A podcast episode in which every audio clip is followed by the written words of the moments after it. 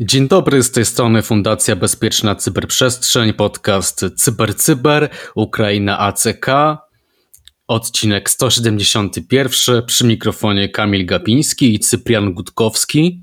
Witam serdecznie. Jeszcze raz cześć wszystkim. E, kontynuujemy nasz cykl e, ukraiński o cyberkonflikcie. Zaczynamy z tematami. First zawiesza rosyjskie i białoruskie CSIRTy.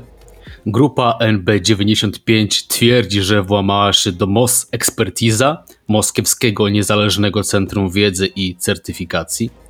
Anonimowi skompromitowali 140 tysięcy maili z rosyjskiego Mash Oil. Służba Bezpieczeństwa Ukrainy walczy z botami. Nokia wycofuje swój, swój biznes z Rosji, ale to nie koniec inwigilacji.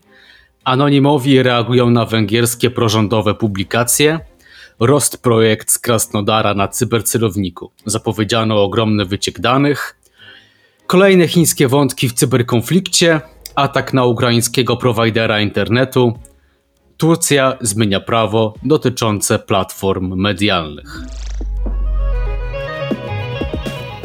A więc pierwszy temat, first zawiesza rosyjskie i białoruskie CSIRTy. Dla przypomnienia, FIRST to jest pierwsza i największa organizacja, która zrzesza, um, organizacja międzynarodowa, która zrzesza CERTy, czyli zespoły reagowania na incydenty cyberbezpieczeństwa mm, na całym świecie.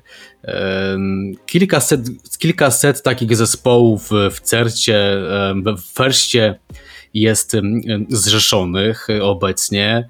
E, First znany jest ze swojej e, największej konferencji właśnie o zarządzaniu incydentami dorocznej.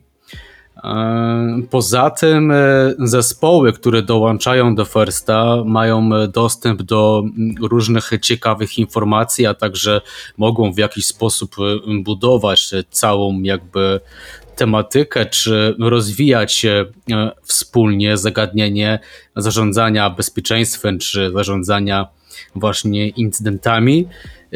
A wprost mówiąc, w całej tej organizacji chodzi o wzajemne zaufanie, o, o potwierdzenie, że spełniamy pewne normy, standardy. No i e, w odpowiedzi na, e, na wiele już sankcji, nałożonych przez Zachód y, na Federację Rosyjską. First, y, główny komitet, y, zarząd, właściwie można powiedzieć, wydał oświadczenie, że zawiesza członkostwo zespołów, które są zlokalizowane w Rosji i na Białorusi. Y, no chodzi tutaj y, przede wszystkim o to, by właśnie mm, dotrzymywać tych standardów. Jak wiemy, dostęp do niektórych informacji, czy do kontaktów, czy do tej właśnie specyficznej sieci współpracy CSIRT-ów w, czasie, w obecnym czasie jest mm, dość ważny. No i tutaj agresor raczej też nie powinien mieć e, dostępu e, do takiego obszaru e, zaufania. Kolejna informacja tym razem dochodzi do nas znowu od anonimowych. Tutaj rzeczywiście jest to, odnotowujemy to z kronikarskiego obowiązku, natomiast nie jest to tak szeroki temat, jaki poruszał Kamil. Hakerzy z grupy NB95 twierdzą, że włamali się do MOS Expertiza, to jest rzeczywiście moskiewski niezależny centrum wiedzy i certyfikacji, Mm, które wydaje różnego rodzaju certyfikaty, jak też różnego rodzaju po prostu przydziela możliwość działalności pewnych podmiotów, pewnych rozwiązań. Tutaj, jak jest informacja, sama grupa NB95 twierdzi, że posiada około 450 gigabajtów danych. Są to innymi e-maile, e, również dokumenty wewnętrzne, ale także różnego rodzaju materiały finansowe. Tutaj to o tyle różni się też od innych ataków, które wymienialiśmy do tej pory, że oprócz klasycznego włamania i wycieku danych spółka ma być zainfekowana ransomware, czyli rzeczywiście, jeżeli z tym mamy, to jest to, jest to do czynienia, to jest to pewna nowość, ale jest to dość krótka informacja, którą przekazujemy Wam, tak jak wspominałem, z kronikarskiego obowiązku. Kontynuujemy kronikarski wątek. Prawie 140 tysięcy e-maili przejęto z Mash Oil. To jest firma projektująca, produkująca i serwisująca sprzęt używany w przemyśle ciężkim. To jest firma rosyjska. E, chodzi o sektor wiertniczy, wydobywczy i szczelinujący. Mash Oil jest oficjalnym przedstawicielem e, grupy FID w Federacji Rosyjskiej. E, ta grupa zrzesza właśnie białoruskie i rosyjskie przedsiębiorstwa projektujące, produkujące i dostarczające urządzenia związane z wydobyciem węglowodorów.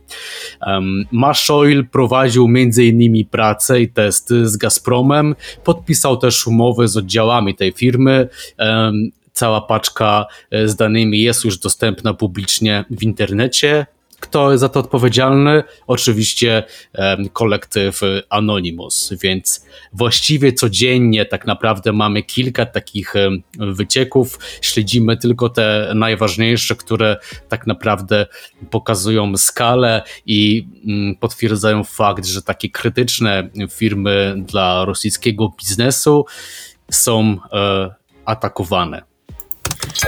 Kolejna informacja dotyczy tego, że mm, funkcjonariusze Służby Bezpieczeństwa Ukrainy zamknęli wrogie farmy botów. Tam było około 100 tysięcy kont. Y, rzeczywiście tutaj jest informacja, że takie odkryte farmy i zlikwidowane działały na terenie zarówno Charkowa, Czerkasów, Tarnopola, Połtawy, Zakarpacia. Y, ogólnie mm, jak najbardziej te fałszywe konta były utworzone w różnego rodzaju portalach społecznościowych, y, między innymi też na portalach rosyjskich, czy też na portalach e, ukraińskich, europejskich. E, między innymi też były mm, takie, które są zakazane na przykład na Ukrainie, a tam rozpowszechniano fałszywe informacje o wojnie, e, gdzie informowano właśnie o konflikcie zbrojnych i o wielkich sukcesach armii radzieckiej, która w przeciągu właśnie dwóch dni zdobyła całą Ukrainę. Także takie informacje tam się pojawiały i jedynie o różnego rodzaju obronie poszczególnych ukraińskich nazistowskich sił okupacyjnych. Taki rzeczywiście były tam przekazy z tych kont.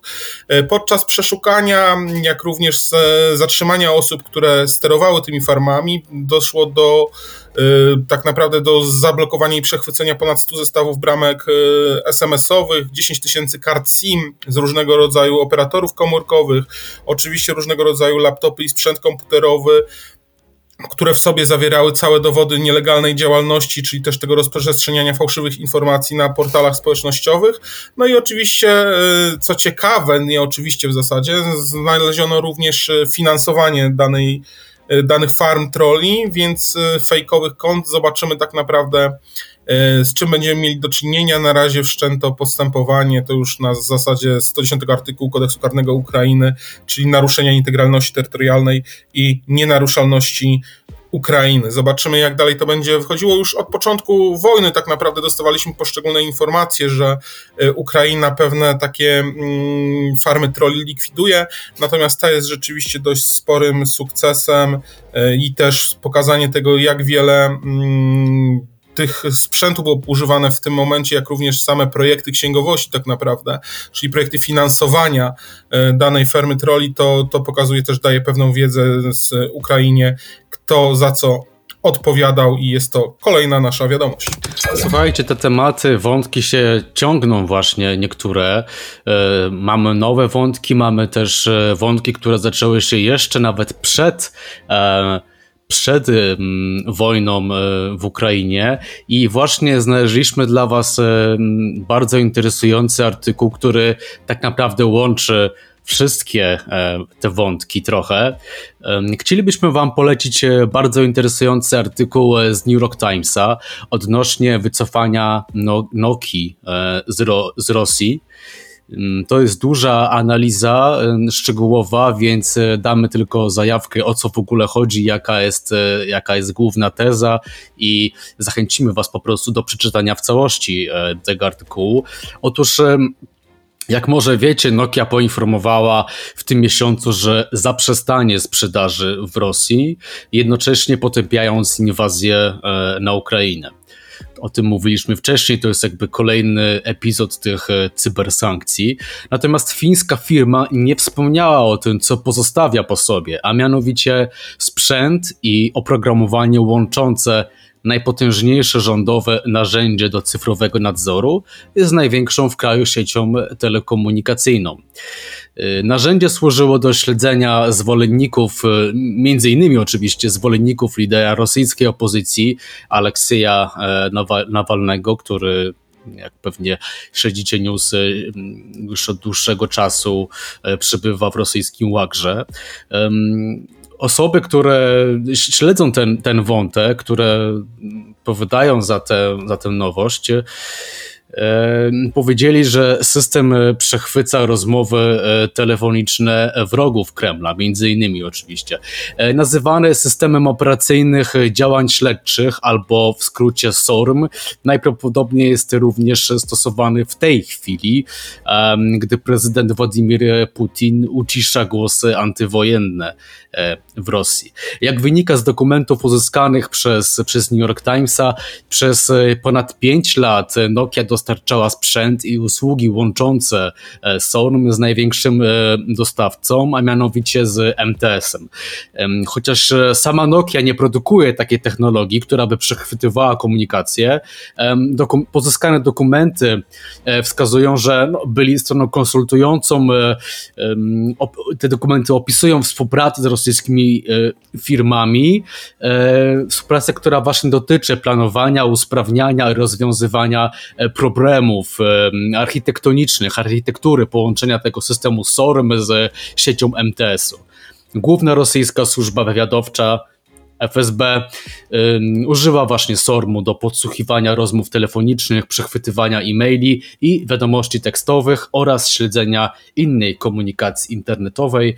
Więcej na temat tego wątku, potencjalnych reakcji e, Nokii i jak to się może dalej rozwinąć w artykule e, w New York Timesie. Pamiętajcie tylko, że e, dostęp jest akurat do tego artykułu bezpłatny, wystarczy tylko się zalogować. No, pytanie, kto ma dostęp do panelu administracyjnego tego systemu, to też jest ciekawe i czy będzie miała go nadal Nokia i komu go może jeszcze udostępnić. Ale to zupełnie inna Z tego sprawa. co rozumiem, to odpowiadali gdzieś tam za tę e, infrastrukturę, więc e, no a to jest dobre pytanie. E, warto e, ten wątek dalej śledzić. A może właśnie warto go przemilczeć. Ale dobrze, w, na pewno teraz wracamy do pewnej też informacji, skoro byliśmy w Finlandii, to teraz zajrzyjmy do Węgier, e, które powiedziało, że z kolei nie będzie się na pewno wycofywało ze współpracy z Rosją, a na pewno nie będzie uczestniczyło w sankcjach, które będzie nakładane na różnego rodzaju energetykę szeroko pojętą pochodzącą z Rosji. Otóż znowu kolektyw anonimowych postanowił pokazać się tym razem właśnie na węgierskim terytorium i na prorządowych e, portalach e, mediowych, medialnych, y, zaatakował te strony, pokazując, nawołując tak naprawdę Węgry do opamiętania się i do wzięcia udziału w sankcjach nałożonych na Rosję. Y, oprócz tego wynika z, tego, z tej informacji, że pojawiały się tam również zdjęcia lidera opozycji, jak również nawoływanie e, ogólnie do, do, poparcia tej opozycji, a nie popierania premiera Viktora Orbana, który właśnie jasno wypowiedział się, że Węgry popierają samych siebie i nie chcą być neutralni w tym konflikcie, a sankcji nie będą nakładać, ponieważ sankcje te również uderzają w Węgry. Cała Europa ponosi tak naprawdę konsekwencje sankcji, natomiast e, władze węgierskie tak, a nie inaczej się zachowują, w związku z czym e, anonimowi postanowili przypomnieć Węgrom, że również oni są narażeni, każdy, kto będzie popierał Federację Rosyjską agresora, ten będzie narażony na na atak e, z ich strony. Słuchajcie, rzutem na taśmę szybki news. Mm, jak wiecie, wcześniej to już mówiliśmy, anonimowi co jakiś czas zapowiadają jakiś um, wielki wyciek danych, e, bombę, która ma całkowicie rozbroić e, Federację Rosyjską. Powstawały tutaj już różne zapowiedzi, filmiki, groźby wręcz na Twitterze. Mamy kolejny taki przykład. Anonimowi zapowiadają ogromny wyciek danych, e, który ma właśnie, cytując, rozwalić Rosję. E, ma to być wyciek zhakowanych maili Rost projektu, czyli rosyjskiej firmy budowlanej z siedzibą w Krasnodarze. Mm, tutaj anonimowi mówią o 1,22 e, terabajta danych, więc jest to dość e, potężny, e, potężny zasób informacji. Zastanawia nas oczywiście fakt, dlaczego akurat wyciek z takiej firmy ma rozwalić Rosję. Można jedynie póki co podejrzewać, że w tych mailach mogą się znajdować informacje o wielu, wielu dziwnych, e, pewnie korupcyjnych powiązaniach elit rosyjskich. Jak wiemy, na takich dużych e, projektach e, infrastruktury, no niestety, ale najwięcej można jakby przywłaszczyć dla, dla siebie, tak? Więc potencjalnie tutaj mówimy o jakichś korupcjo, e, korupcjopodobnych e, incydentach. E, czekamy na rozwinięcie tego wątku. Anonimowi bardzo się tutaj chwalą tym wyciekiem. Zobaczymy, co będzie dalej.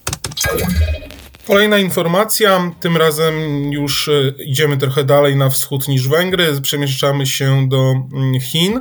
Tutaj grupa Blue Hornet, e, grupa hakerska twierdzi, że w, naruszyła różne cele właśnie w e, państwie środka.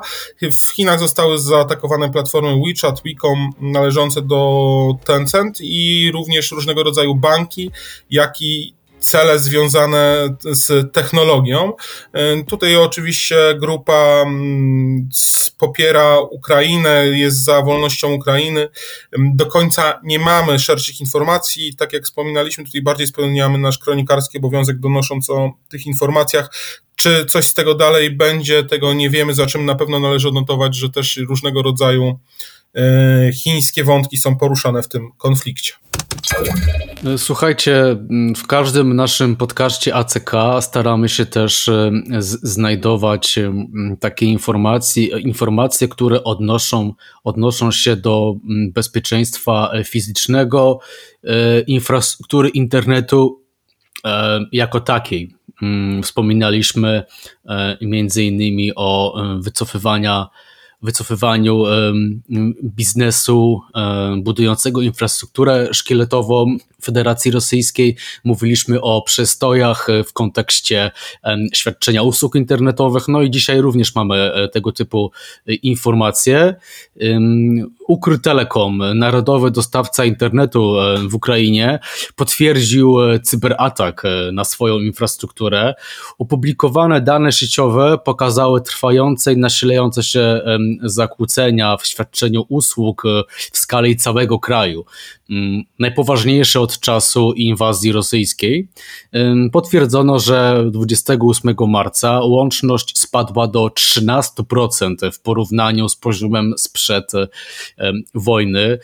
Dostawca zgłaszał problemy z przydzielaniem nowych sesji internetu dla swoich e, abonentów, a w mediach społecznościowych ogólna duża wrzawa, duże poruszenie wśród użytkowników, dużo skarb, skarg. Mm, na Facebooku między innymi.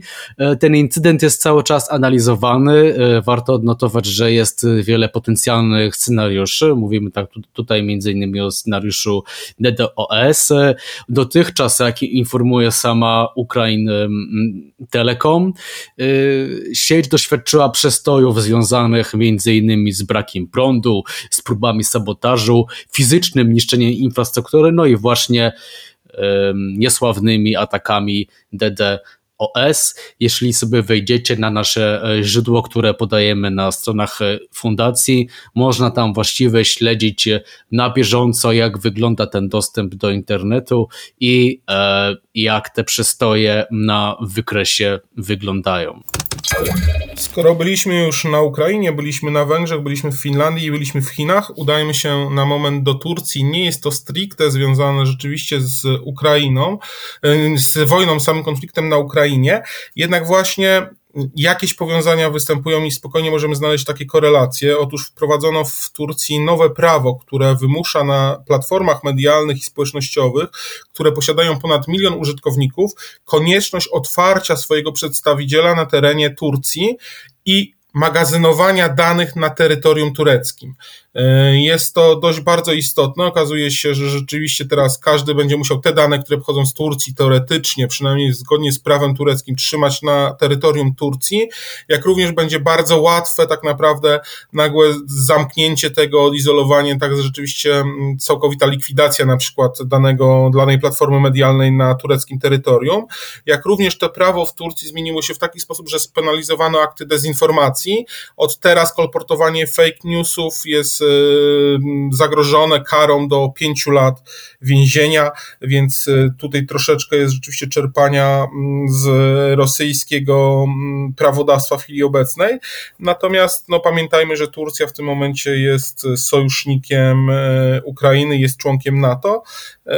Czy to dobrze, czy źle? No cóż, każdy z nas powinien mieć swoje odczucia. Mi się do końca to nie podoba. Na pewno nie mm, fakt penalizowania dezinformacji, bo pojawia się stałe pytanie, kto będzie decydował, co jest fake newsem, a co fake newsem nie jest. Odwieczne pytanie. To już wszystkie informacje w naszym odcinku Cyber Cyber, specjalna edycja Ukraina ACK. Przygotowujemy dla Was codziennie porcje newsów i materiałów publicystycznych związanych e, z wątkiem e, cyberkonfliktu e, na Ukrainie i, i wokół tego cyberkonfliktu. To był odcinek 171 przy mikrofonie Kamil Gapiński, Cyprian Gutkowski. Do zobaczenia, do usłyszenia jutro. Cześć! Cześć, dzięki. Pozdrawiamy, bądźcie cyberbezpieczni.